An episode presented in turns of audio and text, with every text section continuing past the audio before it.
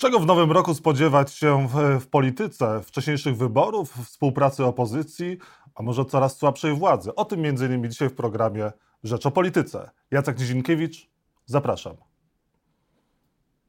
A Państwa i moim gościem jest Szymon Hołownia, lider Polski 2050. Dzień dobry. Dzień dobry. Wszystkiego dobrego w nowym roku i gratuluję. E, no, wkrótce zostanie Pan ponownie ojcem. Co prawda, bardzo, e, bardzo dziękuję, bardzo się z tego cieszymy. Wielkie wyzwanie kolejne przed nami. A panu też serdecznie gratuluję tego, że dał pan radę w walce z chorobą i można oglądać pana w dobrej formie i w dobrym zdrowiu. Z tą dobrą formą jeszcze, jeszcze troszkę, ale dziękuję bardzo. 500 plus zadziałało i, i, i, i jednak e, ten program demograficzny działa? Jeżeli pan myśli o mnie i o mojej żonie w tych właśnie kategoriach, że e, na cud przyjęcia nowego życia do rodziny patrzymy właśnie w tych kategoriach, czy 500, czy 700, czy 800 i to z tego powodu decydujemy się dać e, dziecku życie, to myślę, że jest pan w błędzie, mówiąc zupełnie delikatnie. Myślę też, że wszyscy którzy uważają i sądzą w ten sposób o Polakach, że Polacy właśnie tak działają. Jak im dasz 500, to pójdą rodzić dzieci. E, e, po prostu nie znają Polaków albo są po prostu głupi. No, wiadomo, że Polacy, Polki podejmują decyzje o dziecku nie z takich właśnie powodów jak 500, które uwaga, warte za chwilę będzie 300 realnie z powodu inflacji, ale mając odpowiednie do tego otoczenie, a więc możliwość posiadania własnego mieszkania albo własnego konta w jakikolwiek sposób, dojazd do żłobka, możliwość y, powrotu do pracy w, odpowiedni, w odpowiednio łatwy sposób, to są te czynniki prodemograficzne i nie załatwi ich żaden IPN dla dzieci, który teraz kosztem 30 milionów złotych z uprawnieniami prokuratorskimi powołują. Ale 500 plus, jak, pan, jak rozumiem, pan bierze i będzie brał na kolejne dziecko. Dopóki to będzie możliwe, to tak, oczywiście, dlatego że to jest pewien kapitał, który e, chcę też zostawić moim dzieciom na to, żeby mogły przystosować się do życia w świecie popsutym przez tę władzę, która ta pieniądze rozdaje. E, proszę pamiętać, że i pokolenie mojej córki, i pokolenie naszego kolejnego dziecka, pokolenie w ogóle naszych dzieci będzie ponosiło potężne koszty, potężne i to mierzalne również w finansach zaniedbań y, tych ostatnich sześciu lat, y, tych niemądrych rządów Zjednoczonej Prawicy, ale też i umówmy się, w wielu zaniedbań poprzednich rządów, bo proszę zobaczyć, że dzisiaj jesteśmy w sytuacji, w której ponosimy skutki tego, że przez ostatnie wiele lat, nie tylko przez rządy PiSu, ale i Platformy, ale i można powiedzieć pierwsze rządy, czy, czy, czy rządy Millera i Belki też już były świadome tych problemów. Pytanie, co mogły zrobić? Obchodzenie dwóch podstawowych problemów, które nie zostały rozwiązane: energetyki i ochrony zdrowia. Mści się dzisiaj na nas przez COVID i przez to, co przeżywamy, patrząc na nasze rachunki gazowe energetyczne w dwójnasób i trójnasób. Dzisiaj potrzebujemy zabezpieczyć nasze dzieci również przed niemądrymi decyzjami rządzących e, i, i przede wszystkim przejąć władzę, żeby móc odpowiedzialnie układać im ten świat. No przypomnijmy, że jeżeli chodzi o kwestie energetyki i bezpieczeństwa energetycznego, to za platformy gazociąg w Świnoujściu został zbudowany to dobrze, że został zbudowany. Natomiast e, czym innym jest, i to, to bardzo dobrze, że mamy ten gazoport, czym innym jest jednak dywersyfikacja, a czym innym transformacja energetyczna jako taka. Transformacji energetycznej w Polsce dzisiaj do tej pory nie mamy. Gdzie jest nasz program jądrowy w, i jak się posunął przez ostatnie lata? W, przecież można było coś z tym robić, nawet jeżeli trwały dyskusje. Gdzie jest dzisiaj przebudowa sieci elektroenergetycznych w taki sposób, żeby nie blokowały rozwoju robionego za pieniądze obywateli, odnawialnych źródeł energii? Przecież Polska dostała w ciągu ostatnich sześciu lat tylko zarządów Zjednoczonej Prawicy ponad 50 miliardów złotych z systemu handlu emisjami. Gdzie są te pieniądze? Przecież one dzisiaj powinny służyć obniżeniu rachunków, przebudowie sieci, podłączaniu nowych źródeł energii, dzięki którym takie szantaże Putina, czy takie wahnięcia koniunktury na rynku w popytu i podaży, jakie dzisiaj obserwujemy na przykład na gazie, nie miałyby na nas wielkiego wpływu. E, wkrótce będzie Nord Stream 2, który chyba też nie wpłynie dobrze na nasze bezpieczeństwo gazowe. Ma pan za złe Donaldowi Tuskowi, że jako szef Rady Europejskiej nie zablokował tego projektu? Nie zrobił więcej? Znaczy myślę, że tutaj akurat e, bardzo jasno okazało się też, jak bardzo Unia Europejska, e, oprócz tego, że jest wspólnotą, e, jest też grą indywidualnych rynków, jest też grą indywidualnych członków tej wspólnoty, z których każdy też dba o swój interes, poza tym, że dba o interes europejski. I dlatego będąc w Unii Europejskiej, czerpiąc z tego naprawdę bardzo duże korzyści, My to dzisiaj widzimy, że przecież uruchomienie KPO, zakończenie tego idiotycznego sporu o Izbę Dyscyplinarną pomogłoby choćby przez samo przewalutowanie KPO z euro w, na w złotówkę, poprzez ten impuls do produkcji, nie tylko do popytu, ale do produkcji, mogłoby spróbować rzeczywiście obniżyć polską inflację choćby o procent czy półtora procent, co już by było warte zrobienia. Ale zmierzam do tego, żeby powiedzieć, że poza tymi oczywistymi korzyściami, które uzyskujemy z bycia w Unii Europejskiej, musimy mieć świadomość, że w niej trzeba mieć silną pozycję, żeby walczyć o swoje. Mhm. Niemcy mieli na tyle silną pozycję, żeby walczyć o swoje, a my dzisiaj powinniśmy mieć na tyle silną pozycję, a nie osłabioną, żeby głośno walczyć o swoje i żeby żaden projekt, któremu się sprzeciwiamy, nie mógł być forsowany, jeżeli my się temu sprzeciwiamy, bo jesteśmy ważnym głosem w Unii Europejskiej. Jest jeszcze jeden czynnik, który pokazuje, jak ważne są dobre relacje międzynarodowe dzisiaj. E, Stany Zjednoczone parę lat temu przeszły tą swoją rewolucję łupkową. E, z importera gazu, ropy stają się eksporterem, dlatego że wprowadziły te technologie łupkowe na wielką skalę. E, dzisiaj gaz w Stanach Zjednoczonych jest chyba 11 razy tańszy niż w Europie. Płynie do nas tankowcami, a do niedawna płynął do Azji. Te tankowce zostały, mówiąc obrazowo, przekierowane. My naprawdę musimy mieć dzisiaj dobre relacje z tymi, od których zależy nasze bezpieczeństwo energetyczne, a nie obrażać wszystkich naokoło, bo to się skończy nie 500% podwyżkami na gaz w ciągu najbliższych paru miesięcy, bo później ta sytuacja pewnie będzie się uspokajać, ale, w, ale nawet większymi. Jeżeli chodzi o budowanie pozycji, to pan zapowiadał jeszcze w październiku, że do końca roku e, przypuści pan e, z Polską 2050 e, no, atak na szczyt i będziecie mieli 20% poparcia. Co się stało, że ten atak szczytowy się nie udał? No bo ostatnie sondaże pokazują, że Polska 2050 ma 13,5, 10% poparcia ale też 15 i 17 czasami. Jesteśmy no ale gdzieś 20, e, prawdopodobnie... nie ma. Co się stało, że się nie Nie, udało? nie mamy, to prawda.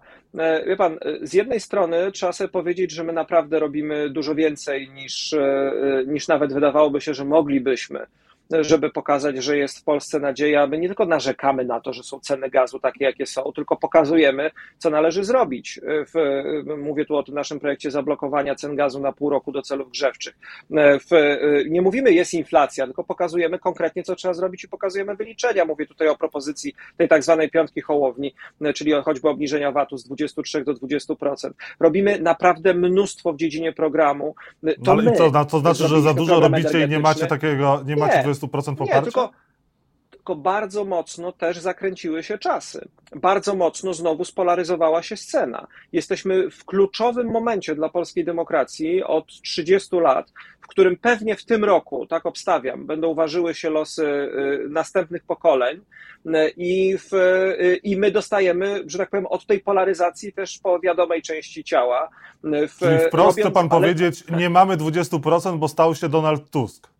Nie, to nie o to chodzi. Ja cieszę się, wie pan, ja bym był naprawdę jakimś e, człowiekiem zupełnie niewdzięcznym i nierozumnym, gdybym stwierdził, że po dwóch latach bez subwencji, dotacji i bez tego całego pompowania przez państwo i bez własnych mediów, my utrzymaliśmy poziom mojego poparcia z wyborów prezydenckich, że przyciągnęliśmy, bo to widzimy też w badaniach i to jest dla nas też bardzo ciekawe i zobowiązujące, 20% naszych wyborców dzisiaj to są ludzie, którzy popierali choćby Andrzeja Dudę w wyborach prezydenckich, w, czy Konfederację w wyborach prezydenckich, a dzisiaj doszli do wniosku, że jednak to nie są odpowiedzi na ich pytania. Jeżeli my dzisiaj na tym poziomie 15% w, będziemy gotowi do tego, żeby dać nadzieję tym, którzy dzisiaj przeparkowują się z obozu Zjednoczonej Prawicy na razie do tych niezdecydowanych, do tych, którzy nie chcą zabrać głosu w, i podać swojej decyzji. Powalczymy na początku roku o 18, co jest takim już komfortowym, komfortową pozycją do walki o największą stawkę i nie odpuścimy, bo wie pan, przyszłym tygodniu, jak się skończą te długie weekendy, jak się ten sezon polityczny zacznie i też my go zaczniemy z przytupem, w, jak on ruszy, to on się zatrzyma na następnych wyborach. Nie, już nie, nie Które będzie się świąt, odbędą będzie... według Pana w tym roku? Przyspieszone będą wybory? Moim zdaniem są na to bardzo duże szanse. E, w, e, jeszcze nigdy nie było w Polsce, e, znaczy od dawna nie było w Polsce tak jasnego powodu do zmiany rządu, jak mamy teraz i tak powszechnie rozumianego. My możemy rozmawiać o aferze Pegasusa, możemy rozmawiać o wielu innych rzeczach, ale dzisiaj tysiące Polaków dostały niższe pensje. Mówię tutaj o policjantach, żołnierzach, nauczycielach. Mówimy o tym przecież wszyscy y, od paru dni. Y, w lutym y, tysiące jednoosobowych działalności gospodarczych po raz pierwszy zapłacą dużo wyższy podatek. Emeryci zaczynają rozumieć, co to jest zjadanie tych podwyżek, które daje Kaczyński i rozrzuca na prawo i na lewo, przez 8, a za chwilę 10, a może 12% inflację. My jesteśmy dzisiaj w sytuacji, w której, żeby nie wiem jak się spinał, rząd Zjednoczonej Prawicy i jakiej propagandy używał i jakich kanałów używał, to i tak każdy Polak dostaje dzisiaj do swojej skrzynki i na swoje konto jasną recenzję tych rządów, a przecież obiecywali, że będzie zupełnie inaczej. To jest czynnik, który wysadza w historii rządy i on ten rząd też wysadzi. Czy to się stanie w tym roku? Ja przypuszczam, że są duże szanse, żeby tak się właśnie stało.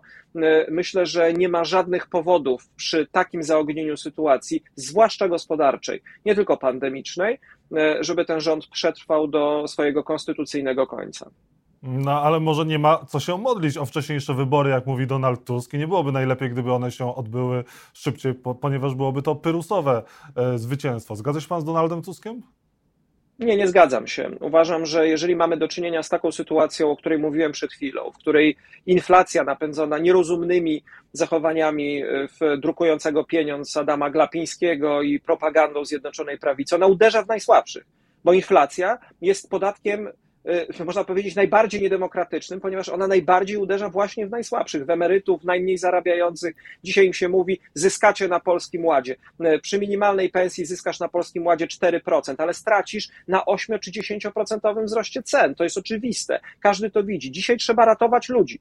I dzisiaj nie trzeba patrzeć na to, czy kariera Tuskowi czy Hołowni ułoży się w ciągu najbliższych paru lat, tylko ja już o tym mówiłem też w ostatnich dniach. Ja jestem człowiekiem wychowanym do ratowania ludzi, y, bo tym się też w życiu zajmowałem zajmowałem. Jak mi się człowiek wykrwawia, to jadę i go ratuję i nie zastanawiam się nad tym, jak ułoży się moja kariera zawodowa. Jeżeli ktoś mówi dzisiaj o tym, że Polska potrzebuje twardej ręki, to ja mu odpowiadam, że Polska potrzebuje mądrej głowy. Jeżeli ktoś potrzebu- mówi mi, że Polska potrzebuje kolejnej wojny o pokój, to ja mówię, że Polska potrzebuje właśnie dzisiaj końca wojny polsko-polskiej i my dzisiaj powinniśmy się nie zajmować sobą, czyli Tuskiem, Hołownią, Kosiniakiem i opowiadać o tym, jak to my się teraz będziemy jednoczyć lub nie, tylko powinniśmy wszyscy razem wyjść i powiedzieć ludziom, jaki mamy pomysł na rozwiązanie ich konkretnych problemów, ich problemów, a nie naszych problemów w, ze strategiami politycznymi. Chyba po to się robi politykę.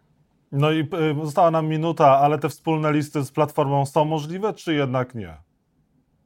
Moim zdaniem jest to mit polityczny, jest to pobożne życzenie, które i tak się nie spełni, a dzisiaj służy do zaklinania rzeczywistości i do też stwarzania takiego pozoru, że oto e, panujemy nad sytuacją. Ja powtarzam, dla mnie to, jest, to, to, to są opowieści dzisiaj z mchu i paproci. Dzisiaj powinniśmy się skupić i do tego też apeluję, prosząc i Donalda Tuska, i Władka Kosiniaka-Kamysza, i innych liderów opozycji, wyjdźmy do debaty programowej. Stańmy i powiedzmy ludziom, jakie mamy pomysły na rozwiązanie tych, pomysł, tych problemów, których nie umie rozwiązać Morawiecki, który proponuje tarczę antyinflacyjną, która obniży inflację o 0,3%, podczas kiedy podwyżki gazu e, i prądu e, dodadzą do niej kolejne 2%. My musimy ludziom pokazać, będę to powtarzał do upadłego, e, choć mam nadzieję, że to nie nastąpi, że opozycja to nie jest klub zajętych wzajemnymi ansami e, panów i jakiś talent show, w którym ma wygrać ten albo inny i otrzymać nagrodę i bon na 300 tysięcy złotych albo czteroletnią kadencję, tylko opozycja to jest rząd, który czeka na swoją kolej. My powinniśmy sprawić, żeby w jutrzejszym sondażu zrobionym dla Rzeczpospolitej 70% ludzi uwierzyło, że my jesteśmy w stanie przejąć odpowiedzialność za Polskę od jutra, a nie od 2023 roku. E, I na koniec proszę powiedzieć, e, jeżeli chodzi o kwestię Pegasusa i tego, że był podsłuchiwany szef kampanii wyborczej Platformy Obywatelskiej, jak to mogło wpłynąć na wybory prezydenckie? Czy tamte wybory parlamentarne, czy tamte wybory parlamentarne były, mm, no, doszło do oszustwa wyborczego? Mogło dojść, one były nieuczciwe? Jeżeli są tak silne poszlaki, że wybory nie były równe, nie spełniały jednej z podstawowych przesłanek opisanych w polskiej konstytucji, to mamy bardzo poważny problem i nie tylko techniczny z tym, że ktoś kogoś podsłuchiwał i ktoś ma mokre sny o tym, że może podglądać kogoś przez jego telefon. Tu serdecznie pozdrawiam pana ministra Kamińskiego oraz pana ministra e, Wąsika, tylko mamy do czynienia z systemowym problemem e, w demokracji. PiS wygrał wybory w 2019 roku na dopingu. Duda wygrał wybory w 2020 roku na dopingu. I musimy dzisiaj, kiedy nie ma już prawnych możliwości skasowania uchwał Sądu Najwyższego o ważności tych wyborów, zrobić wszystko, czy to przy użyciu narzędzi, jakim jest Komisja Śledcza, czy to w polskim parlamencie, czy w Europejskim Parlamencie, wszystkich narzędzi prokuratorskich, żeby tę sprawę wyjaśnić i taką szczepionkę podać dzisiaj e, polskiemu systemowi zarządzania służbami specjalnymi, tak osiodłać tego Pegaza, żeby nigdy więcej tego typu rzeczy w Rzeczpospolitej nie były możliwe. Szymon Hołownia był Państwa i moim gościem. Bardzo dziękuję za rozmowę. Dziękuję bardzo.